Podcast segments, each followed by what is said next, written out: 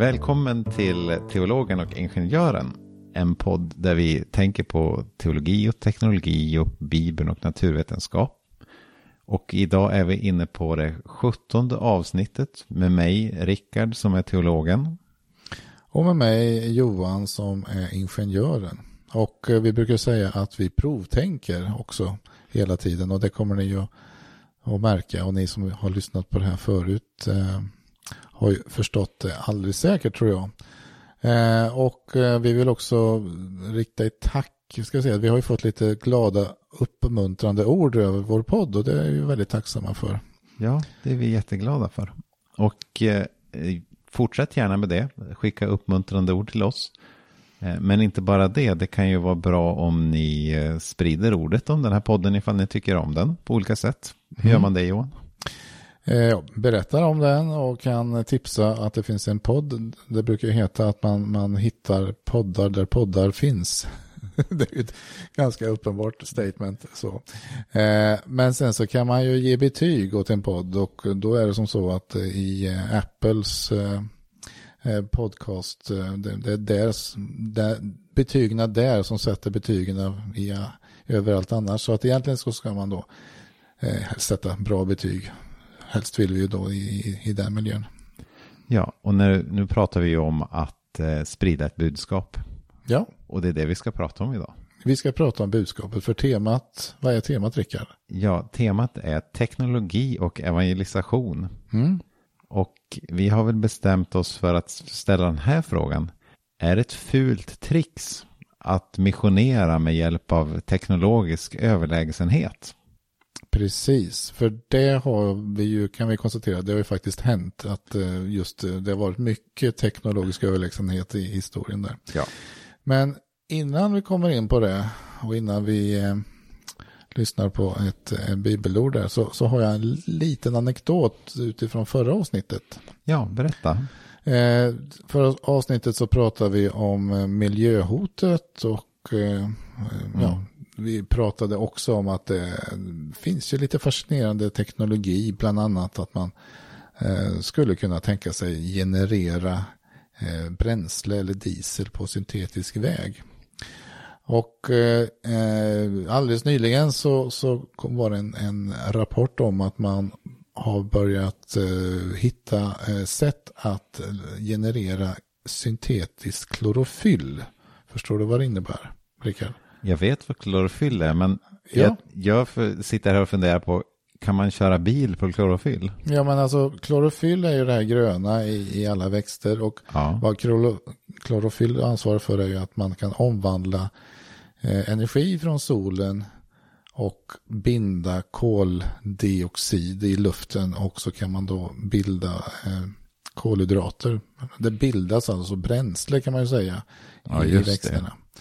Och eh, nu, jag tror det var som så att man har identifierat eh, gener, alltså de gener som ansvarar för att skapa den här klorofyllfabriksfunktionen. Och då kommer vi i koppling till ytterligare ett avsnitt vi pratar om den fantastiska DNA-molekylen och ribosomer och hela maskineriet. Mm. Om man nu har tittat de programsekvenser som faktiskt gör det möjligt att uh, göra den här klorofyllen och så har man då lyckats göra det då uh, syntetiskt. Att man kan... Ja, så det är ett viktigt första steg för att sen i nästa led kunna göra de här långa kolhydrat kolhydratskedjorna som blir bränsle. Just det. Och, och, det är ju ett sätt att fånga solens energi på ett miljövänligt sätt. Så det ja. är lite kul. Då får vi hoppas på det, för det är ju någon sån typ av genombrott som vi verkligen behöver, som vi pratade om förra gången. Jajamän. Men ska vi ta, ta oss an dagens ämne? Mm. Det här med att missionera med hjälp av teknologi. Och eh, vi hade ju den här frågeställningen om är det lämpligt helt enkelt att använda sig av sin teknologiska överlägsenhet för att imponera på dem som man ska missionera för helt mm. enkelt. Jag hade tänkt att vi skulle börja med ett bibelord och det kanske är inte det folk tänker sig att jag ska läsa här men jag ska alldeles strax förklara det. I Filipperbrevet 2 så står det så här Låt det sinnelag råda hos er som också fanns hos Kristus Jesus. Han ägde Guds gestalt men vakade inte över sin jämlikhet med Gud utan avstod från allt och antog en tjänares gestalt då han blev som en av oss. När han till det yttre hade blivit människa gjorde han sig ödmjuk och var lydig ända in till döden, döden på ett kors. Och det här är ju ganska typiskt för hur evangelierna beskriver Guds mission till oss människor. Alltså Gud antar en ödmjuk mänsklig gestalt. Mm. Det finns en eh, saga, en teologisk saga av en eh, dansk eh, teolog som heter Sören Kierkegaard. Mm. Där han berättar då om en kung som han har väldigt mäktig kung med mycket resurser. Som eh, får se en eh, blomsterflicka, en fattig blomsterflicka mm. som han blir så kär i. Mm. Och han vill ju såklart eh, få bli tillsammans med henne och eh, fundera på hur han ska närma sig henne så att eh, hon blir intresserad av honom också. Och hans första plan är ju såklart att han ska komma dit med all sin pomp och ståt och imponera på henne. Men han inser ju då att då kommer hon ju inte se honom utan hon kommer bara se all hans makt och härlighet. Och därför så beslutar han till slut att nej, jag ska klä mig som en helt vanlig människa, inte berätta att jag är kung, utan mm. bara komma dit som en vanlig människa. Och så går han dit till henne och närmar sig henne på, på villkor där hon har en chans att se honom. För att upptäcka hans sanna jag. Ja, precis. Mm. Och sen så, och han vill ge henne helt enkelt en möjlighet att gensvara på ett sätt där hon inte bara blir överkörd, eh, helt enkelt. Just det. Och den här berättelsen brukar ju då användas då för att, för att tolka liksom hur Gud närmar sig människan genom att bli människa i, som Jesus Kristus. Mm. Men den kan ju också vara en utgångspunkt för vår diskussion kring Även om vi som har det lite bättre här i världen, vi västerlänningar inte är Gud såklart. Men så är vi ju oerhört mäktiga i jämförelse med många människor som har mycket mer fattigare än oss. Mm. Det vill säga vi har någon slags övertag i pomp och ståt mm. i jämförelse med många andra människor. Precis, alltså jag, jag ser i det bibelord du läste, det är ju lite grann eh, Bibelns sätt att eh, förklara hur vi bör agera. Mm. Och sen så finns det ju ett vad, alltså det i, eh, i projektsammanhang så är man väldigt så här, noga med att man ska liksom skilja på svar på frågan vad man ska göra kontra hur man gör det och sådana saker. Mm. Och när jag tänker på ordet vad, då är det väl kanske snarare då bibelordet eh, som vi kallar för missionsbefallningen. Ja, precis. I och, Matteus 28 om att ja. gå ut i hela världen och göra alla folk till mina lärjungar. Ja, och just ordet, det tänker jag på nu, ordet missionsbefallning, det är ju mm associerar ju till just befallning. Det är lite, ja. så här, lite småmilitärisk eh, Ja, men det, går inte, jo, men det går inte att komma ifrån att att missionera, att berätta om det glada budskapet till alla folk ja. är ju en väldigt central del av den kristna identiteten. Mm. Det ingår i att mm. den kristna tron att ha det som sin kallelse, att vilja berätta för alla. Mm. Och det är ju egentligen inte mer kontroversiellt än att om man tycker att någonting är väldigt, väldigt bra så vill man berätta om det för mm. andra människor. Exakt. Det är bara det att man historiskt sett har väl kanske inte tagit fasta på det här huret, att man ska, ska vara som en tjänare.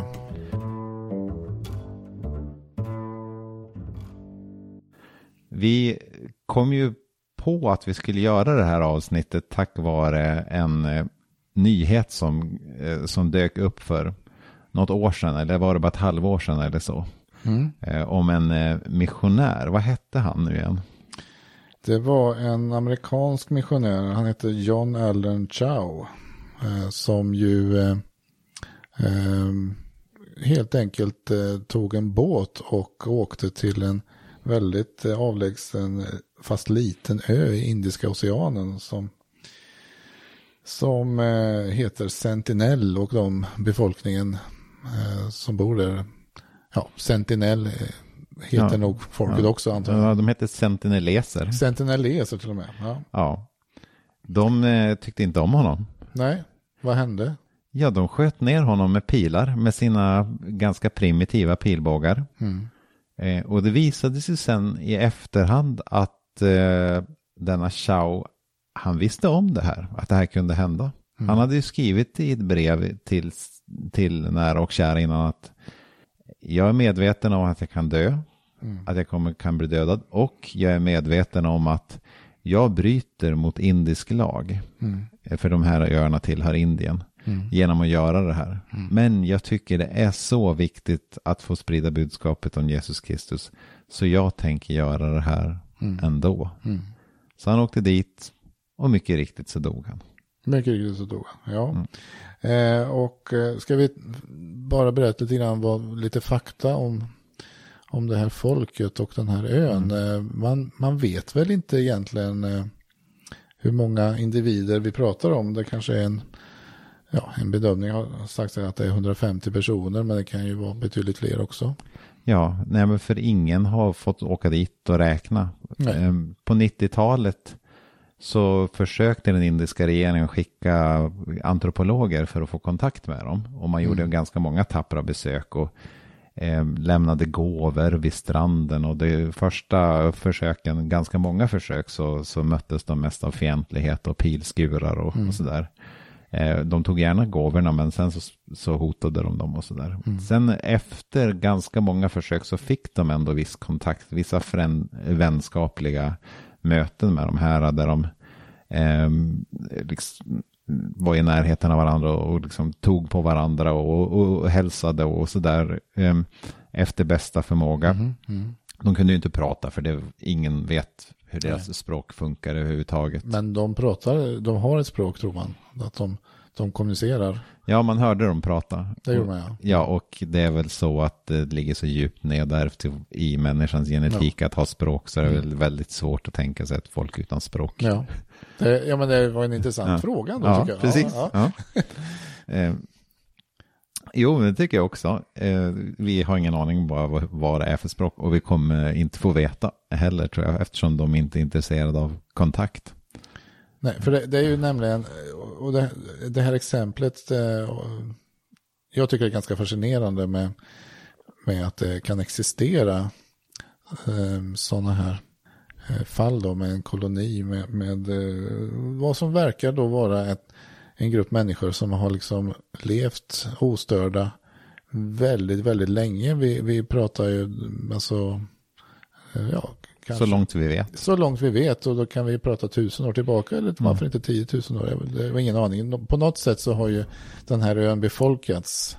Mm. Eh, och sen så har de helt enkelt valt att stanna där och hålla allting som eh, kommer i närheten av ön ifrån sig på olika sätt. Och då, då, då, Jo, anledningen att de överhuvudtaget har kunnat göra det, det är bara för att de här ligger, den här ön ligger lite bredvid de andra öarna som finns i närheten och är ganska svår att ta sig på, till på grund av korallrev och sånt där. Mm. Så de andra öarna som finns i närheten av den här ön, där har det då, ja, från framförallt under 1700-1800-talet börjat liksom komma både in och utflyktning av folk. Så där är det ju alltså kulturer som eh, sen flera århundraden har liksom blandats med andra kulturer. Men den här kulturen, den blev bara kvar för sig själv på den Ja. här ön som låg en bit bort. Ja, och har ju varit framgångsrika att bli lämnade i fred på grund av att de, de, de skjuter först.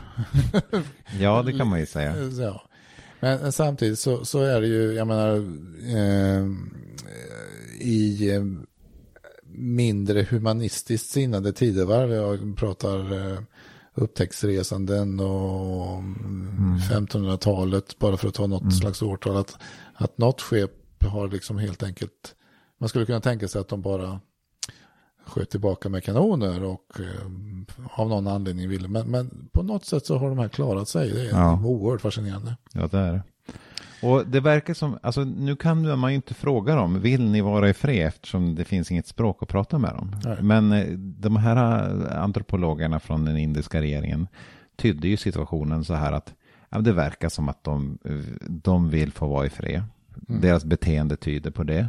Mm. Och dessutom tog man beslutet att troligen så kommer det vara en enorm risk eh, för deras hälsa att åka dit med befolkningsgrupper. Därför att det här är människor som inte har exponerats för de sjukdomar som finns i resten av världen. Mm. Så man beslutade helt enkelt att det här är en grupp som ska få vara i fred. De har fått en chans att ha kontakt med omvärlden och tackat nej. Mm. Så vitt vi kan förstå. Mm. Eh, och det är väl någonstans där också som man som det blir en total krock då mellan å ena sidan den här Chaus tolkning av det kristna budskapet att missionera. Mm. Det är verkligen viktigt att alla folk i hela världen nås av evangelium. Mm. Och å andra sidan respekten för de här folkets vilja. Mm. De har så vitt vi vet sagt till att nej, mm. vi är inte intresserade av det här budskapet. Vi är intresserade av att leva som vi gör. Mm. Ja, och det, det verkar ju vara väldigt tydligt. Men nu mm. valde Shao att eh, med sin övertygelse mm. Eh, sätta allt på ett kort. Och eh, vad vi förstår så, så han mm. hade ju inga, inget, han, han kommunicerade, försökte inte kommunicera på något annat sätt än när han liksom klev i land så, så ropade mm. han Jesus mm. älskar er och blev genast sen genomborrad av pilar. Så att det, det man kan väl säga är hans fördel i alla fall, det är att han kommer ju inte dit med en massa vapen och, och försöker liksom besegra Nej. dem och tvinga dem på, på den kristna tron. Som det har varit i, i, andra delar av världen i historiskt sett, ja precis. Ja, mm. och då kanske vi ska backa till hur började man med den här missionsbefallningen från början? Ja, precis. Och det är ju ganska intressant för om vi tar de allra första kristna så kan man ju säga att de tillhörde ju verkligen inte en mäktig och privilegierad grupp i samhället, utan snarare tvärtom så de missionerade ju från gräsrötterna. Det var i huvudsak ganska fattiga människor, en och annan lite mer välbesutten, men eh, alltså den socioekonomiska strukturen för första århundradets kristendom var nog i huvudsak inte särskilt mäktiga människor. Mm. Eh, men det sprides ju ändå. Mm.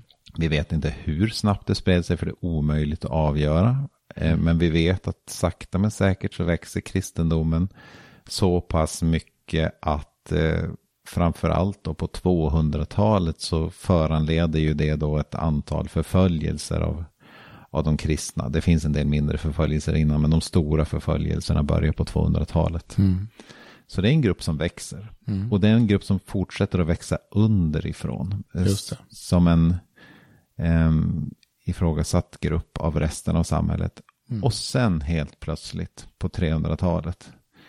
Eh, då bestämmer sig ju kejsar Konstantin för att nej men den här kristna tron, det, det är den tron som, som vi ska bygga romarriket mm. på. Mm. Eh, nu kommer det vara den privilegierade tron. Och så mm. blir det helt plötsligt som en eh, maktens religion. Just det.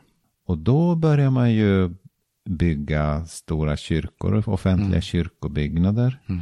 Sanktionera de kristnas vilja att riva alla andra religioners tempel mm. och så vidare. Så då mm. byter man ju strategi till en mera mm. maktstrategi för att mm. sprida den kristna tron. Och det det funkar ju uppenbarligen väldigt bra för mm. eh, romarriket kristnas och eh, sakta men säkert så kristnas ju resten av Europa också. Så. Mm.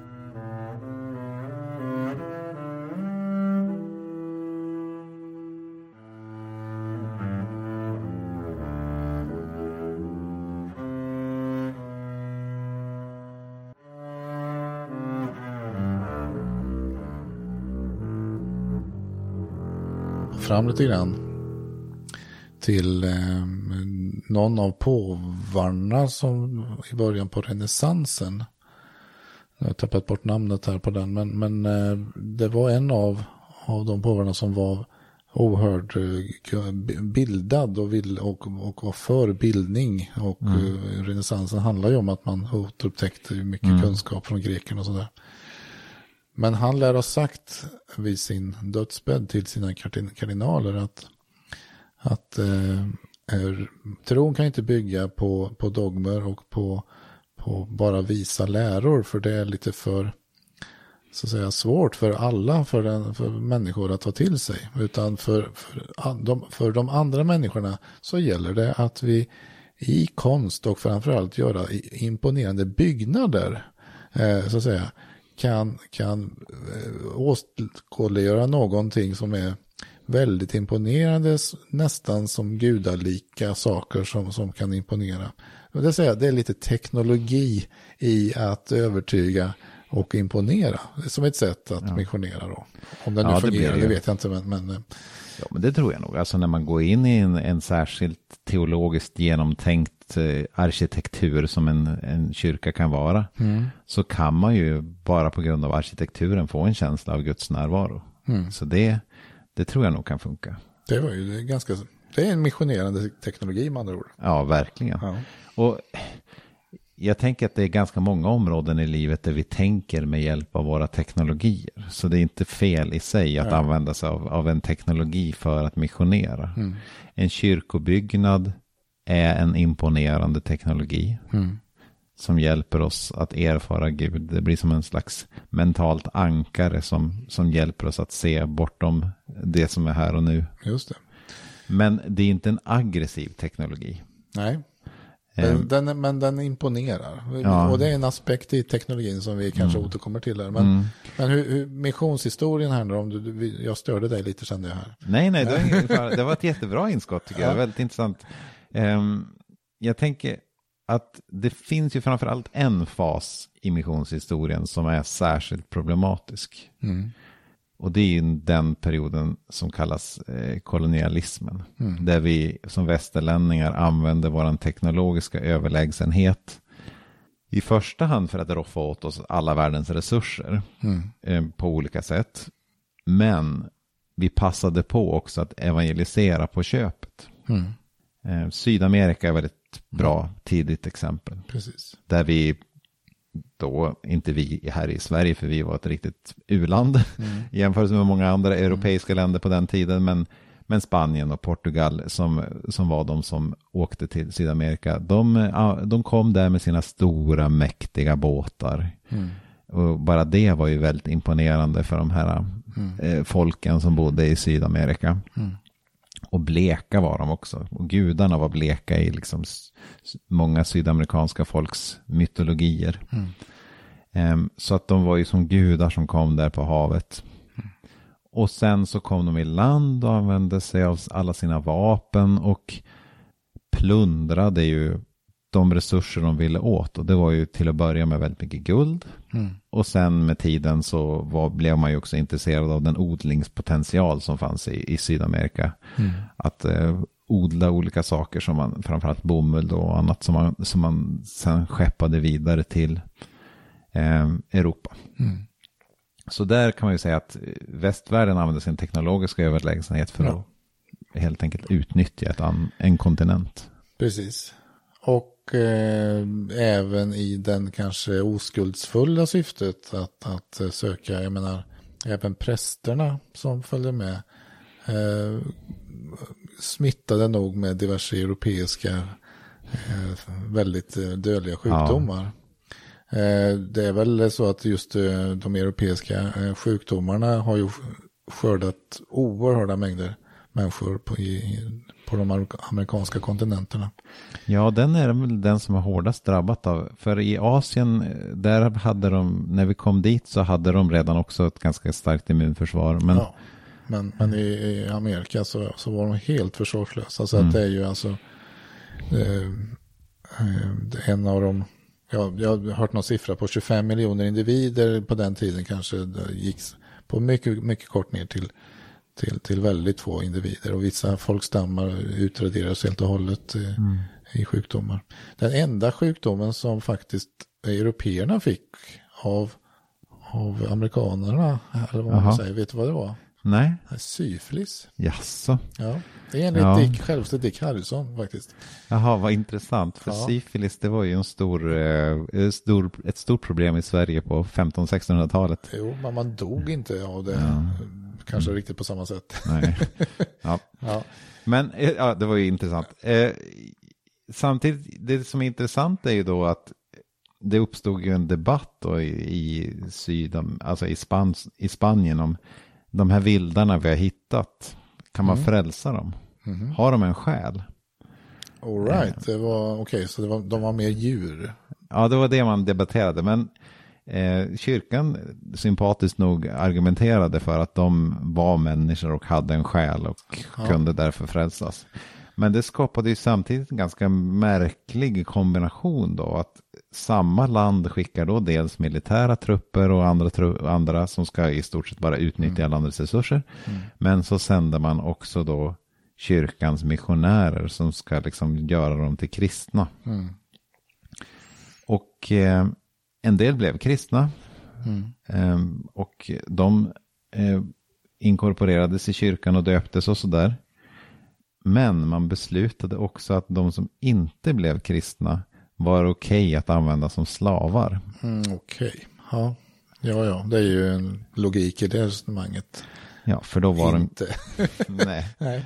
Eh, men och det är faktiskt intressant, för menar, kristendomen hade övergett slaveriet i stort sett eh, dessförinnan. Mm. Men mm, nu i de här tidevarven så kom man ju på att nej, men det finns ju faktiskt inget förbud mot slaveri i Bibeln. Det verkar finnas viss tolerans för slaveri. Det kanske vi ska ta upp igen. Mm. Eh, och så och dessutom då när det visade sig att sydamerikanerna dog väldigt eh, snabbt eh, mm. när de var förslavades mm. så, så tog man ju dessutom då in slavar från, från Afrika som man skeppade över. Och eh, de som inte dog under eh, skeppsresan, de var ju ganska robusta. Så de mm. kunde, kunde ju jobba. Fast det var ju ändå så att framförallt i, i Sydamerika så, så körde man slut på slavarna tills de dog. Mm. mm. Eh, helt enkelt. Mm. Eh. Men, men det, det, är ju en, en, generellt sett kan man säga att just eh, maktaspekten eh, alltså det, det, finns många exempel där, där eh, eh, kristendomen eh, inte har kommit fram i sina bästa mm. i sin bästa version just på grund av maktkontexten eh, tänker jag. Så, så, att jag menar det man vet inte vad som är vad egentligen.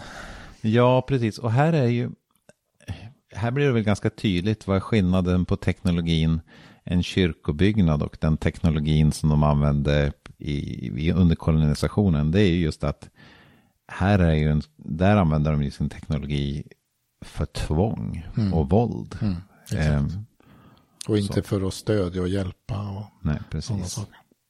Men, så men... där är väl ett ganska uppenbart exempel på där, där det kan bli grovt fel att evangelisera med hjälp av teknologisk överlägsenhet. Mm. Så.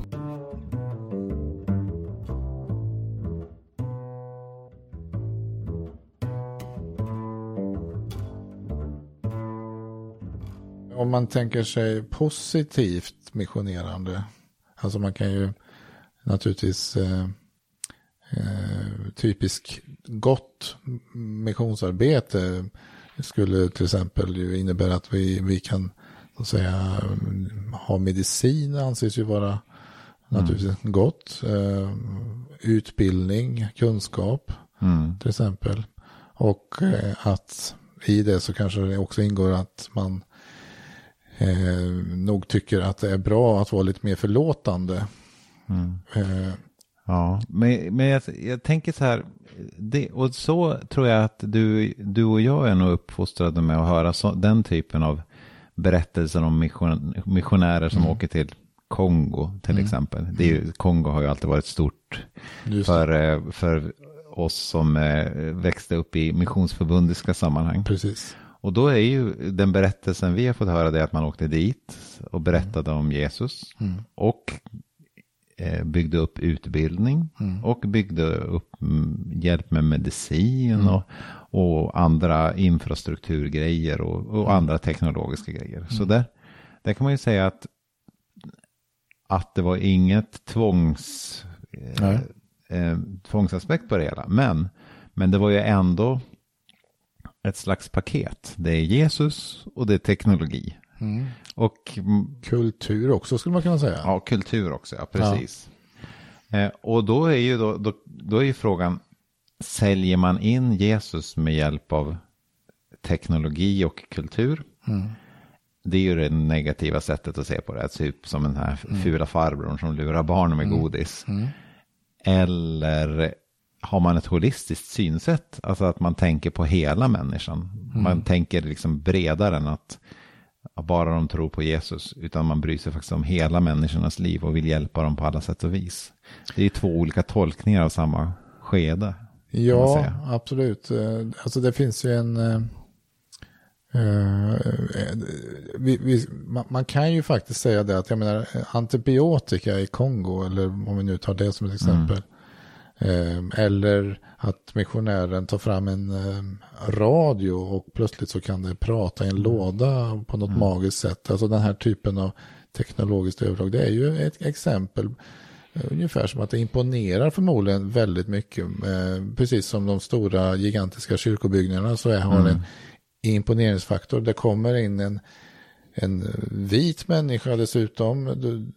Vi pratar om att vita människor kanske i sig är tecken på att man står närmare Gud. Eller Ja, i alla fall i vissa mytologier kan det ju vara ja, så. exakt. Och, och sen så har denna vita människa då väldigt speciell förmåga i, med hjälp av teknologi som i och för sig då används för ett gott syfte men det blir ändå en ja, kanske, det kanske inte reflekt, vi inbjuder till reflekterande så mycket kring, kring vad man tror på möjligtvis, jag vet inte.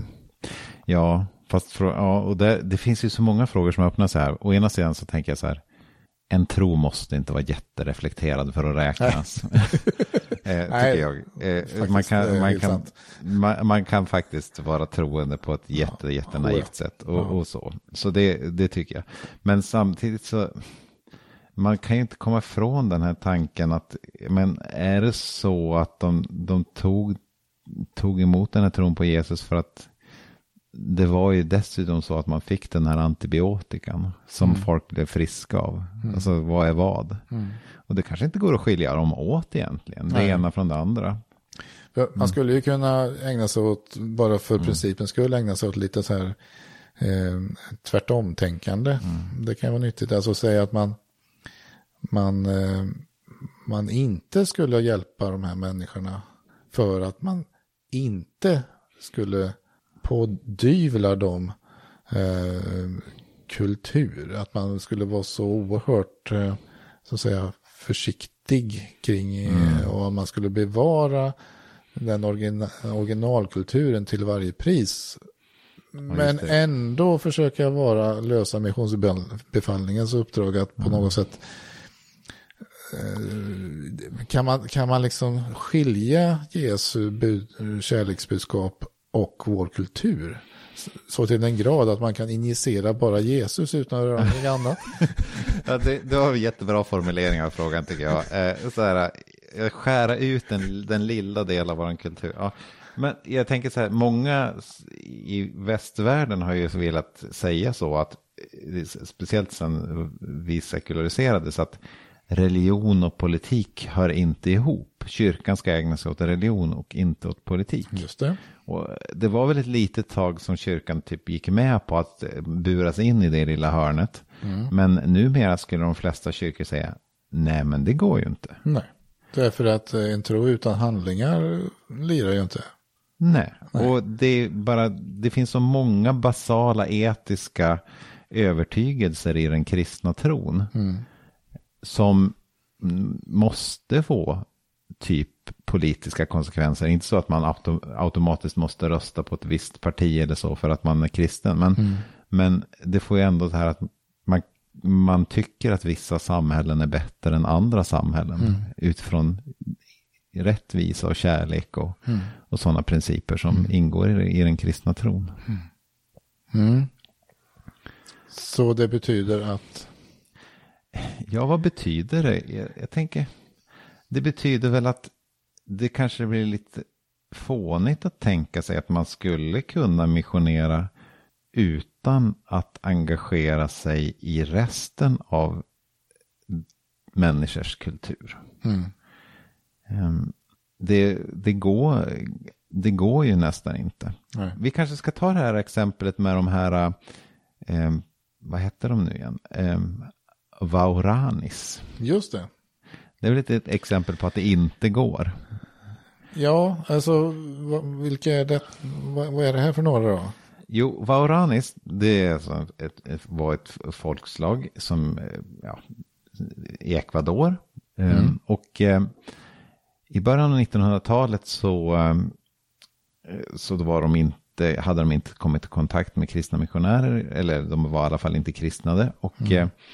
De odlade en eh, hämndkultur mellan olika klaner. Det ju, har ju funnits lite överallt i världen. Men den här var en särskilt destruktiv form av hämndkultur. Mm. Där eh, de olika klanerna turades om att slå ihjäl varandra. I en sån hög hastighet att eh, eh, ja, befolkningen minskade. De var på väg att dö ut. Helt enkelt. De höll på att utrota sig själva alltså? Ja, i mm. en slags destruktiv hämndspiral. Mm. Sen kom det kristna missionärer och berättade om Jesus. Men de berättade också om den kristna etiken om att förlåta. Mm. Och det har vi ju diskuterat i ett avsnitt innan. Just det, och du sa men de berättade. Det mm. kanske hör ihop på något sätt, eller? Ja, ja, det är klart det gör. ja, det. Ja. det. ingår i den ja, kristna Ja, men vi har ju till och med diskuterat eh, huruvida man skulle kunna simulera med hjälp av modeller denna kristna etik. Ja, och ja. visa att det, det, finns ganska goda rationella skäl för varför en förlåtande attityd är vettig. Exakt. Mm. Ni kan, om ni inte tycker att de avsnitten är för långsamma, vi pratade ju lite långsammare om de första tre avsnitten. Ja, just det. Men vi har, Så, vi har justerat modellen för våra poddavsnitt kan man säga. Ja. Men det är bra innehåll i de första tre avsnitten. Ja. Så, så kan ni höra oss prata om just det här med varför det är rationellt att förlåta. Precis. Eh, men i alla fall detta eh, Vaurani folk, de, tack vare att de blev kristnade så bröt de ju också den där onda spiralen mm. och eh, blev ett blomstrande folk och lever än idag. Precis, att... kristendomen räddade det folkslaget. Ja. ja. Och då har vi lite grann den här speciella, en av de absolut viktigaste hörnstenarna lite grann i idén där att, att istället för att ha en vad ska säga, väldigt krigisk kultur. Man skulle kunna säga att, att eh, folkslag i, i årtusendena innan utifrån folkvandringar också, det har varit väldigt mycket konfliktbaserat. Mm. Och ja. mer snarare än fredsbaserat. Och det får man väl säga är väl en, en ganska god eh, take away från kristendomen. Att, att på något sätt är, finns ja. det annat att satsa på än just den där principen med att man ska hämnas. Ja, i alla fall när kristendomen är som bäst. Vi får väl ändå erkänna, vi har ju tagit upp exemplet på kolonisationen, hur, vi, hur kristendomen har kunnat anta ganska våldsamma former också genom jo, historien. Absolut. Men, och... men jag tror att det, det är de flesta teologer skulle nog säga att eh, de våldsamma uttrycken för kristendomen eh, är inte förankrade i särskilt god kristen teologi. Nej.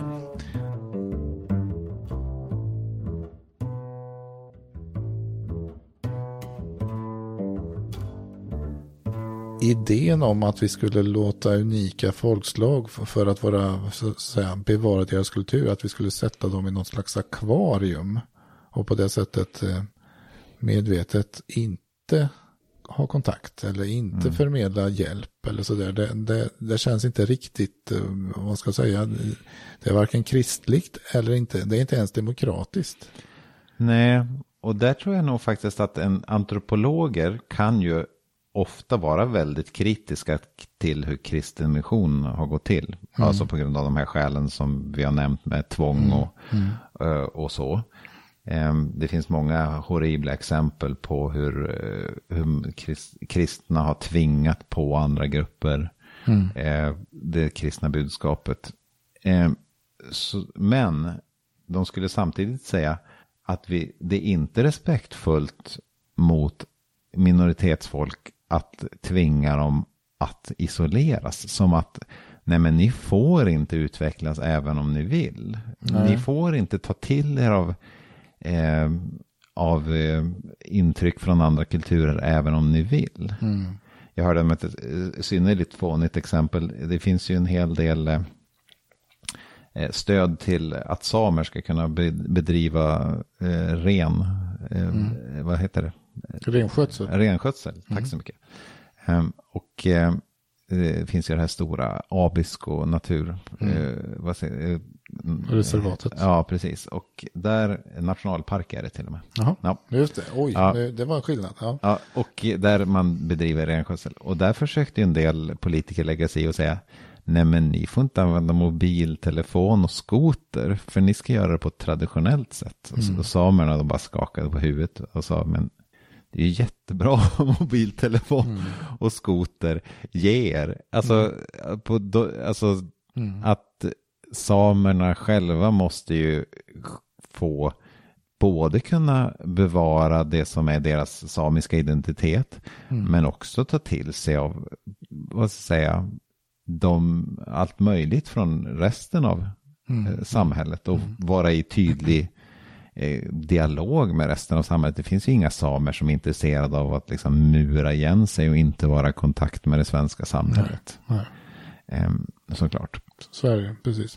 Eh, Så, så där, där kan man väl säga då att återigen så kommer man till den här skillnaden mellan liksom den här ömsesidiga dialogen där man respektfullt utbyter idéer med varandra. Eh, ut, och å andra sidan våldet och tvånget. Och eh, det respektfulla och tjänandet eh, är ju väldigt gott att ha som eh, approach. Men, men jag måste, om, vi, eh, om jag får hoppa tillbaka till våra, våra medmänniskor som bor på denna ön Sentinel i den Indiska oceanen. Ja, Ja, sentineleserna. precis. Jag måste säga att man, man blir ju fascinerad av den här historien. Ja. Eh, också på grund av till exempel, eh, man tänker att det finns, vi, vi sa att, att människans gener förmodligen har en inbyggd förmåga så att man liksom skapar ett språk. Och man, man, man, man börjar mm, uttrycka läten och till slut blir det ett språk. Ja, det är liksom, och människans förmåga att just utveckla saker. Att, att hela tiden gå till en riktning där man vill förbättra sig kanske lite till. Har vi också diskuterat. Eh, och man skulle kunna tänka sig att människan är på något sätt in, naturligt nyfiken. ja, precis. Men de här vännerna på Sentinellön känns ju som att vad, vad gör de av sin nyfikenhet? Här, här lever man på en ö, man ser eh, människor som någon menar har kommit till dem, eh, de båtar, det var ju en spännande pryl, vad, vad, hur skulle den, eh, kan man använda det för att åka på vattnet? Det var ju fantastiskt. Eh, jag har för mig, men nu kan jag ha fel, du får rätta mig.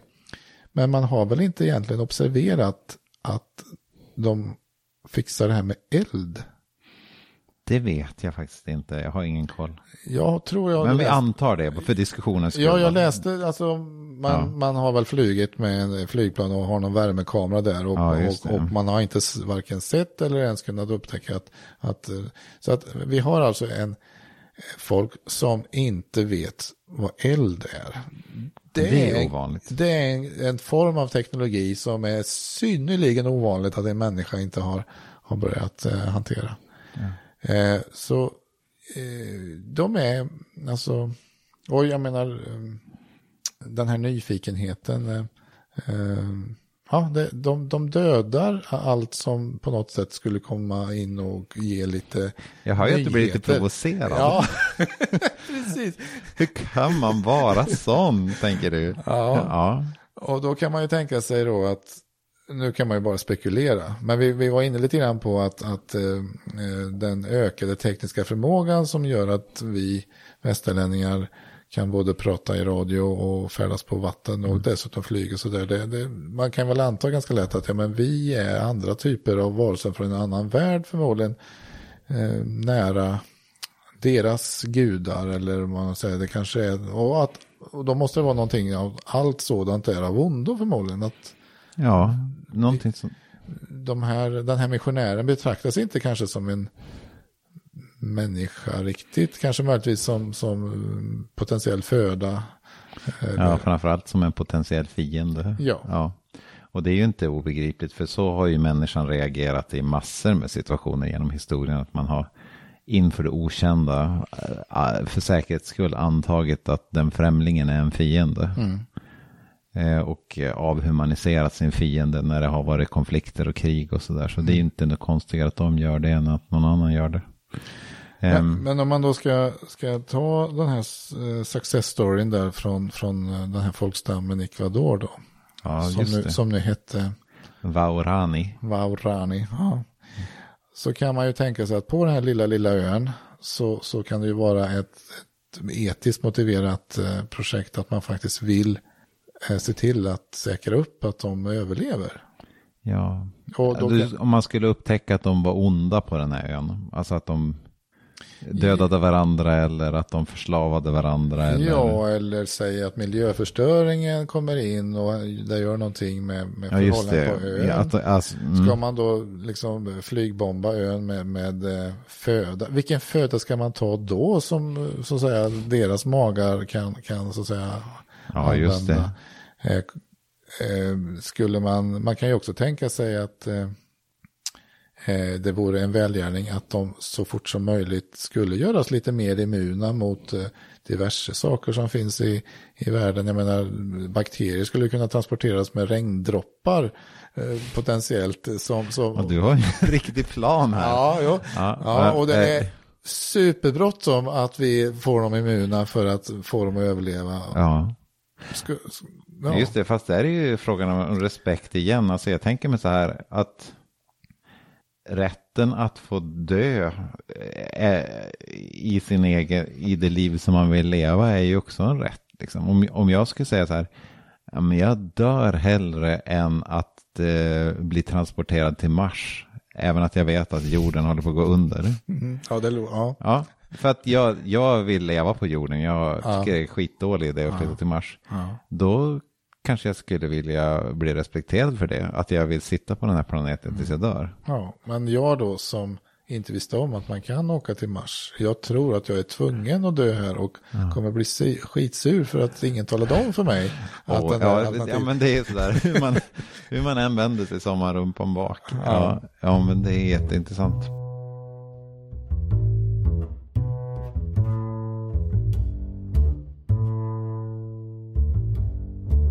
Det har ju hänt väldigt mycket med, med synen på mission.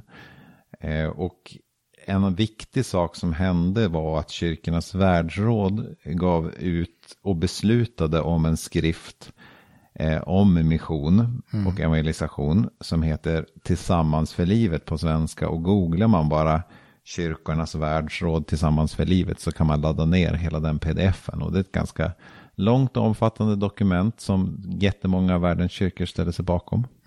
Och så. Och några av de saker som, som står där eh, handlar just om det här med makt. Och en av de sakerna som står där under punkt 98 är att evangelisation har associerats med kolonialmakter i missionens historia har lett till antagandet att västerländska former av kristendomen utgör normen för hur man bedöma, hur man bör bedöma hur andra lever evangeliet. Evangelisation som utförs av de som åtnjuter ekonomisk makt eller kulturellt herravälde riskerar att förvränga evangeliet. Därför måste de söka partnerskap med de fattiga, de egendomslösa och de som tillhör minoriteter och formas av deras teologiska resurser och visioner.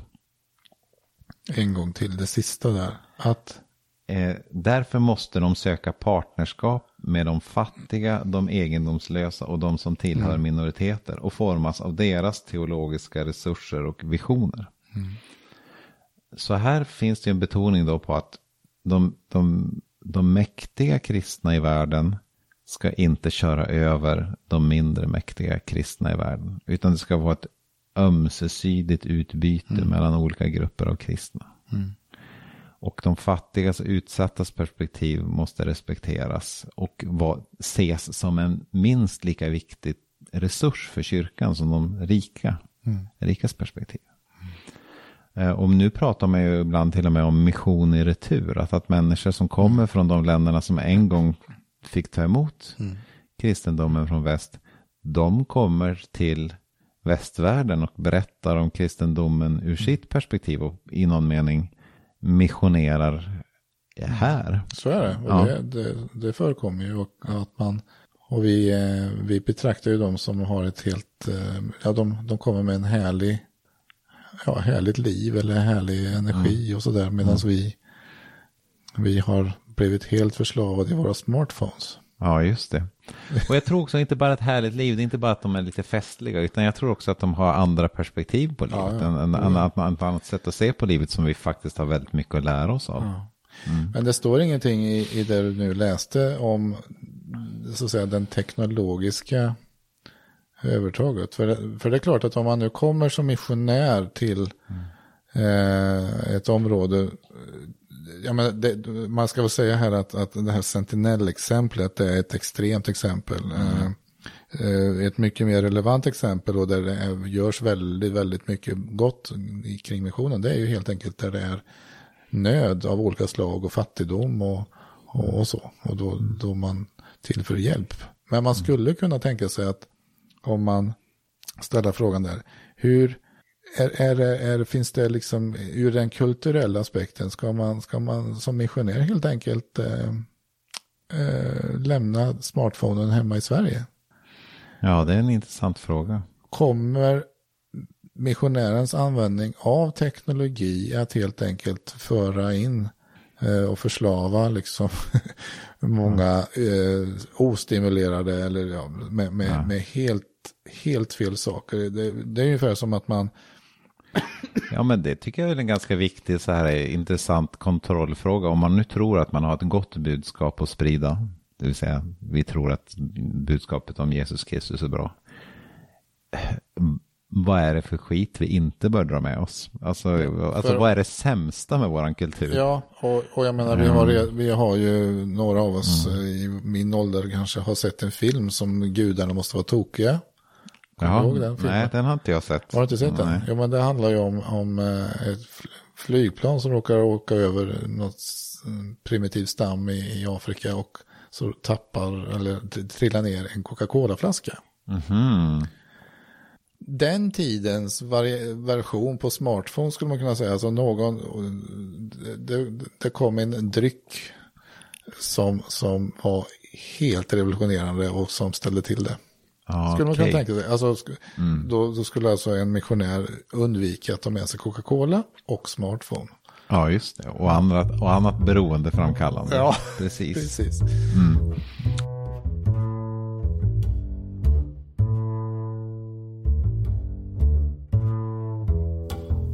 Det vi har väl försökt förmedla det är ju att när Gud själv skulle missionera till oss människor så intog han en attityd av ödmjukhet. Mm försökte inte använda sitt övertag i makt eh, för att tvinga oss in i någonting. Mm.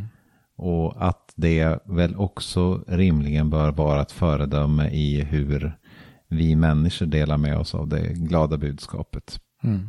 Att eh, teknologi är inte dåligt, det kan användas på ett väldigt gott sätt. Mm. Och det går inte kanske att eh, isolera kristendomen från resten av kulturen som om det skulle vara en tårtbit i kulturen som, man, som inte hängde ihop med det andra. Mm.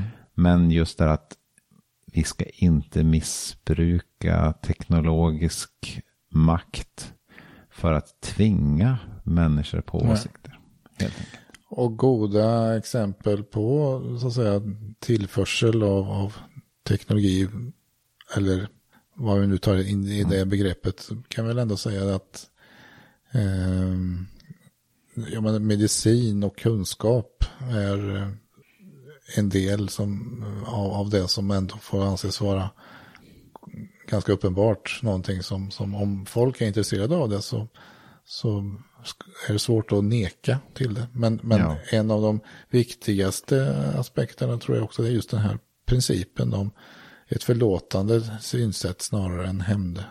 Det är ja. ganska exempel på, på de viktiga och bra sakerna ja. att, att förmedla.